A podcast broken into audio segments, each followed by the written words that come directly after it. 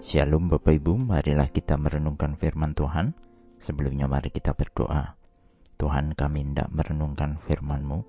Roh Kudus pimpinlah kami. Di dalam Tuhan Yesus kami berdoa. Amin.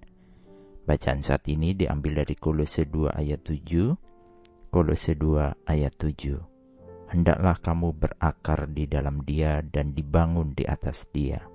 Hendaklah kamu bertambah teguh dalam iman yang telah diajarkan kepadamu, dan hendaklah hatimu berlimpah dengan syukur. Sebagai orang percaya, pasti kita menginginkan pertumbuhan iman percaya kita.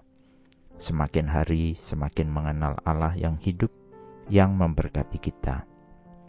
Tetapi pun demikian, kita diingatkan untuk tidak membanggakan diri, karena kita harus menyadari bahwa kesuksesan itu tidak datang dari usaha manusia kita sendiri, melainkan karena kasih karunia Allah yang bekerja dalam diri kita.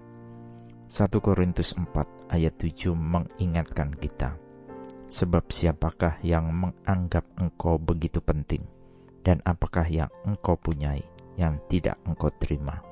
Jadi, jika engkau memang menerimanya, mengapakah engkau memegahkan diri? seolah-olah engkau tidak menerimanya.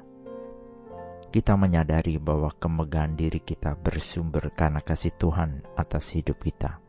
Kita mempercayai bahwa di dalam Kristuslah ada keselamatan, sehingga kita memiliki kesadaran untuk hidup dalam roh dan kebenaran.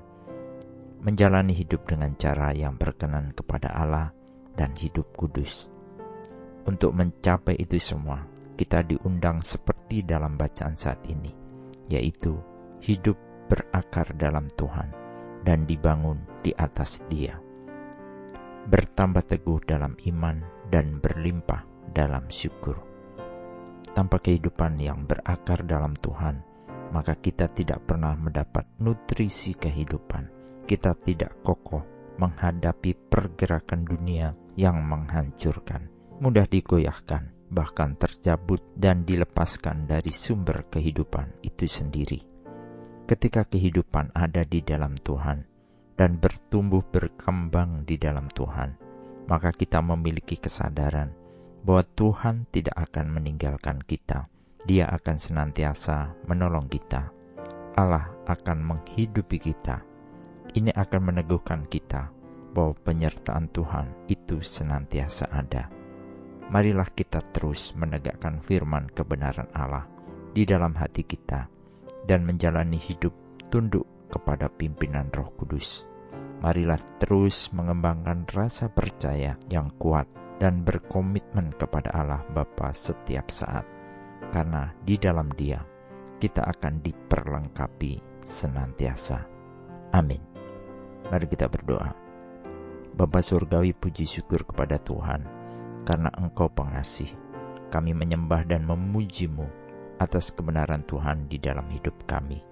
Kiranya kami berakar, bertumbuh dalam kebenaran Kristus dan semoga hidup kami didirikan di dalam Tuhan saja. Tolong kami untuk tumbuh kuat di dalam kebenaran firman Di dalam Tuhan Yesus, kami berdoa dan bersyukur. Amin. Tuhan Yesus memberkati. Shalom.